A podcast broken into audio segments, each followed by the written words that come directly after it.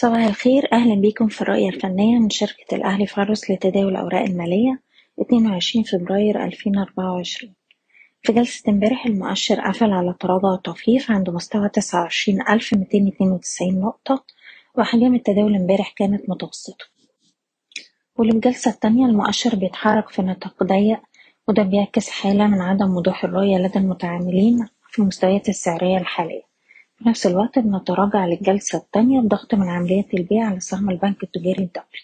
وبالتالي بنركز على أول مستوى دعم عند التسعة وعشرين ألف ومية واللي نقدر نعتبره مستوى حماية الأرباح على الأجل القصير جدا لأن في حالة كسره هتبقى إشارة على بدء عمليات بني أرباح.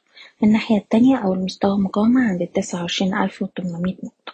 مازلنا بننصح على الأجل القصير بغلق مراكز الشراء بالهامش جني أرباح الأسهم اللي وصلت للمستهدفات بتاعتها ونقدر نرفع حماية الأرباح لأقل مستوى اتسجل في آخر جلستين حسب كل سهم على حدة.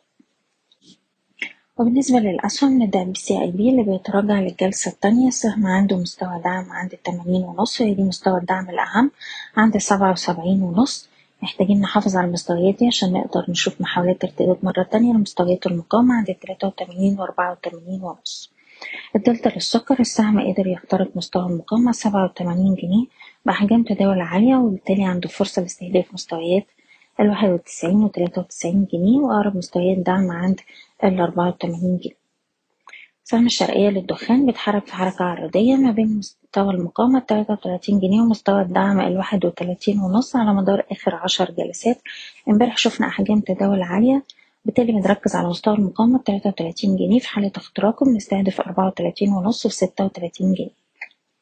راسكم للاستثمار القابضة بيستهدف مستوى الاتنين وخمسين قرش ونقدر نرفع حماية الأرباح لأقرب دعم عند الستة وأربعين قرش. سهم بوليفار امبارح كان فيه ارتفاع بأحجام تداول عالية السهم قدر يقفل عند أعلى مستويات الجلسة واخترق مستوى مقاومته الخمسة جنيه وستين قرش وبالتالي بنتوقع استهداف مستويات الستة والستة ونص. وأخيرا سهم رمادة مازال ليه مستهدفات عند التلاتة جنيه ونص ونقدر نرفع حماية الأرباح. لأقل مستوى اتسجل في جلسة امبارح عند الاتنين جنيه خمسة وتسعين ويلي مستوى الدعم الأهم عند الاتنين جنيه وستين قرش. بشكركم بتمنى لكم التوفيق. إيضاح الشركة غير مسؤولة عن أي قرارات استثمارية يتم اتخاذها بناء على هذا التسجيل.